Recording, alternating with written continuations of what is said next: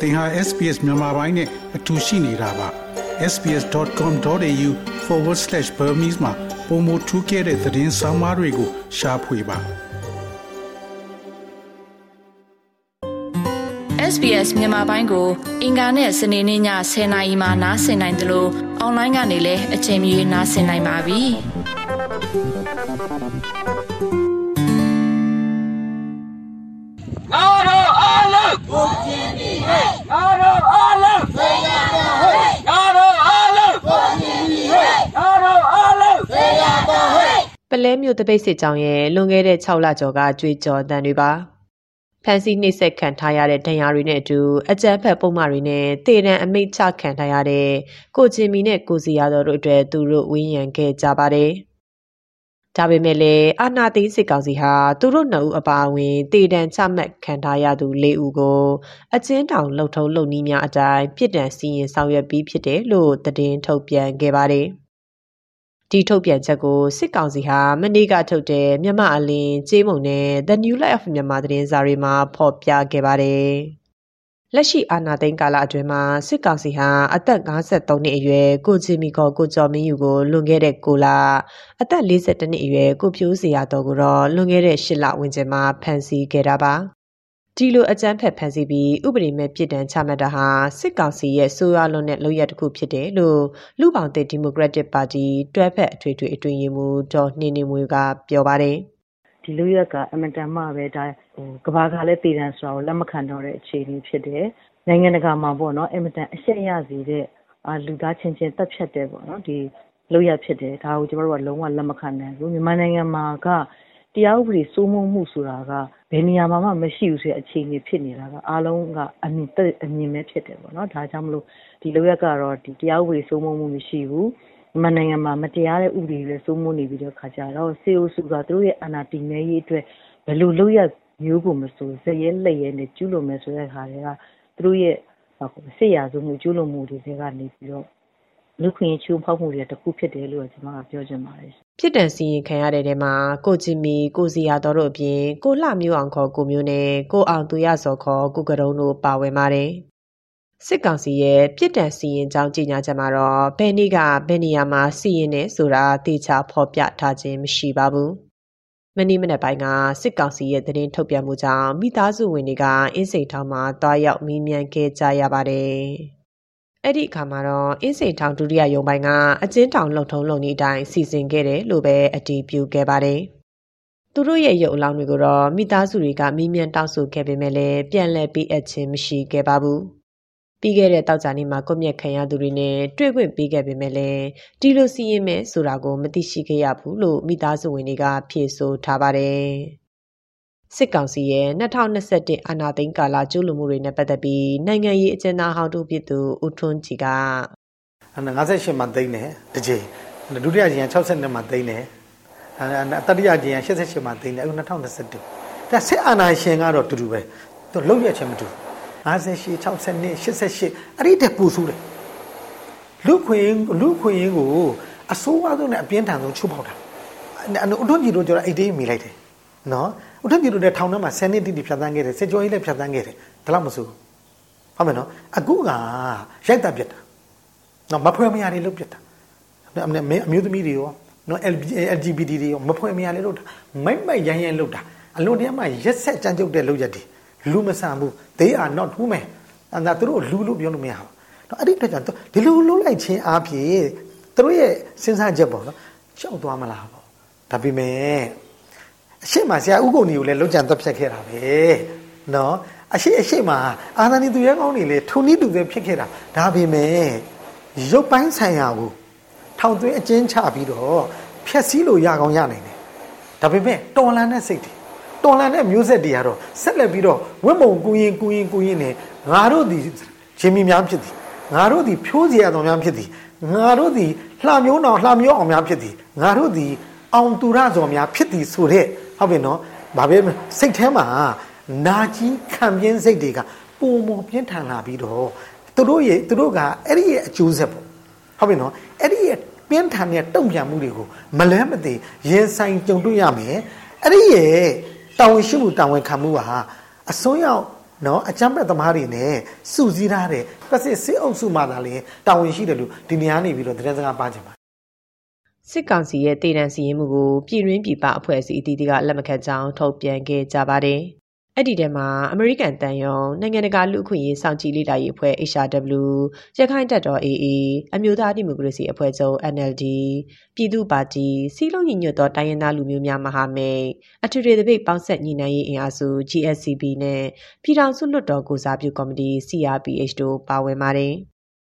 မြန်မာနိုင်ငံမှာဒီလိုဒေတာစနစ်ကိုမကျင့်သုံးခဲ့တာဟာအနှစ်40ကျော်ကြာမြင့်ခဲ့ပါပြီ ဒီလိုစီရင်မှုတွေကိုမလုပ်ခင်ကတည်းကနိုင်ငံတကာတန်ယုံတွေကစလို့အာဆီယံအထူးကိုယ်စားလှယ်ကိုယ်တိုင်ကလည်းကန့်ကွက်ရှုတ်ချမှုတွေရှိခဲ့ပါတယ်။ကိုချင်းမီနဲ့ကိုစီယာတော်တို့ဟာအကြမ်းဖက်မှုတိုက်ဖျက်ရေးဥပဒေပုံမှာ49ကကြီး90စာမြင့်ဆွဲနဲ့90ညတို့နဲ့ပြီးခဲ့တဲ့ဇန်နဝါရီလ22ရက်မှာစစ်ကောင်စီရဲ့တည်တံအမိန့်ချမှတ်ခံထားရတာပါ။ သူတို့နှစ်ဦးကိုတကုံမြို့တစ်မြောက်ပိုင်းမြို့နယ်နဲ့တကုံစိတ်ကမ်းမြို့နယ်တွေမှာစစ်ကောင်စီကအင်အားအလုံးရင်နဲ့ဝင်ရောက်စီးနင်းဖမ်းဆီးခဲ့တာပါဒီလိုစစ်ကောင်စီရဲ့အကြမ်းဖက်ဖမ်းဆီးပုံမှန်တက်ထောင်ချနေတာနဲ့ပတ်သက်ပြီးမြန်မာနိုင်ငံအမျိုးသမီးများအဖွဲ့ချုပ် WLB ရဲ့အတွင်းရေးမှုအဖွဲ့ဝင်လွေပိုးငယ်ကတော့အာဒါကတော့လူသားမဆန်မှုပေါ့နော်အဲလူသားမဆန်တဲ့လောက်ရလက်ဖြစ်တယ်စိတ်ရဆုံးမှုကျူးလွန်တာလည်းဟုတ်တယ် နိုင်ငံတကာဥပဒေကိုလည်း ချိုးဖောက်တာဖြစ်တယ်။လူ့အခွင့်အရေးကိုလည်း ချိုးဖောက်တာဖြစ်တယ်။ဒီလိုမျိုးလုပ်ရပ်က သေဒဏ်ဆိုတဲ့ အပြစ်ဒဏ်က ဒီမြန်မာနိုင်ငံပဲမဟုတ်ဘူး။တကမ္ဘာလုံးအတိုင်းအတာမှာတောင်မှ ဆန့်ကျင်ကန့်ကွက်နေတဲ့ နိုင်ငံတွေအများကြီးရှိတယ်ပေါ့လေနော်။ရာဇဝတ်မှုတွေကို ကျူးလွန်နေတာလည်းမဟုတ်ဘူး။အာဏာရှင်စနစ်ကို ဆန့်ကျင်ပြီးတော့မှ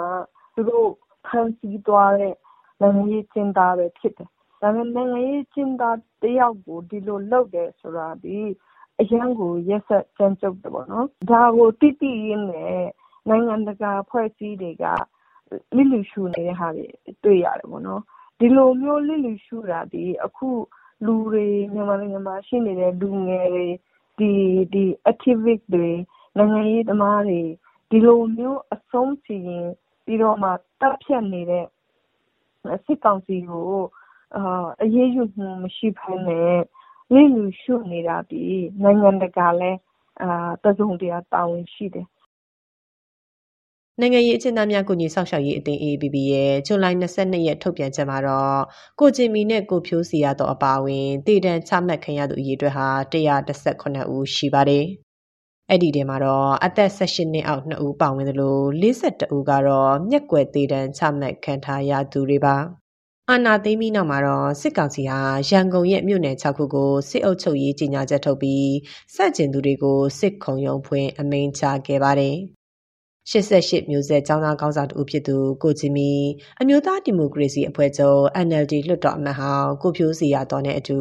အမိန့်ချမှတ်ခံထားရသူနှစ်ဦးကတော့ပြီးခဲ့တဲ့နှစ်မတ်လမှာလှိုင်သာယာမြို့နယ်က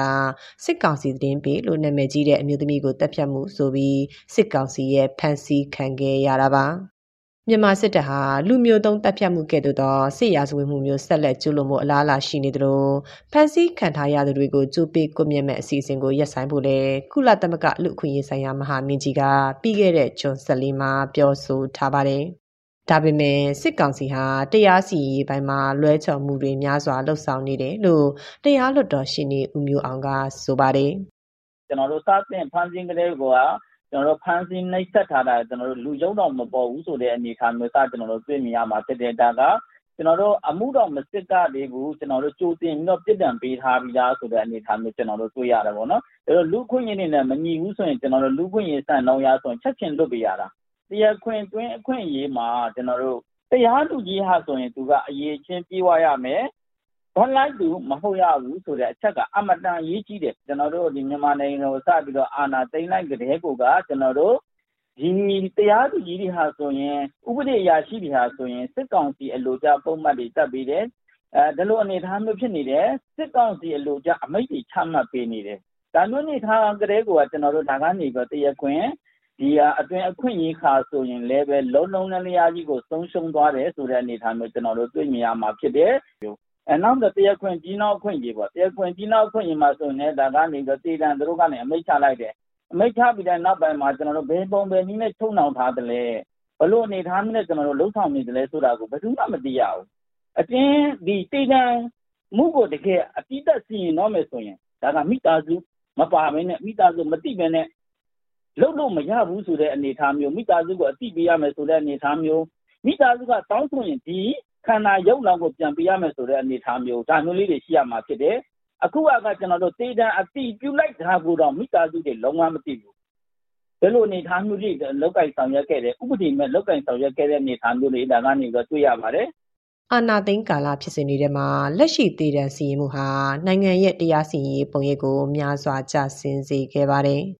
နိုင်ငံတကာကရောအိန္ဒိချင်းနိုင်ငံတွေကပါဝိုင်းဝန်းတိုက်တွန်းထားခဲ့တဲ့ငင်းညံ့စွာဖြည့်ရှင်ရေးလုပ်ငန်းစဉ်ဟာလည်းပုံမူဝေးကွာခဲ့ရပြီလို့နိုင်ငံရေးလေလာသူတွေကပြောဆိုကြပါတယ်။တော်လှန်ရေးအင်အားစုတွေကတော့စစ်ကောင်စီရဲ့ဒီလိုဥပဒေမဲ့လှုပ်ဆောင်မှုကိုဒီမိုကရေစီတိုက်ပွဲအတွက်အာမန်အဖြစ်နဲ့တိုက်ပွဲဝင်သွားမယ်လို့ကတိစကားတွေပြောဆိုနေကြပါတယ်။ဒီသတင်းဆောင်မကိုတန်လွင်ခက်ကပေးပို့ထားတာဖြစ်ပါတယ်။ sbs.com.au/bemis ကို home နေရာမှာထားပြီးတော့အမြဲတမ်းနှာစင်နိုင်ပါတယ်။နောက်ဆုံးရသတင်းတွေ၊စောင်းမားတွေနဲ့စစ်တမ်းတွေမှာပါဝင်ပြီးတော့ဆက်သွယ်မှုလုပ်နိုင်ပါတယ်။ sbs.com.au/bemis ဖြစ်ပါတယ်ရှင်။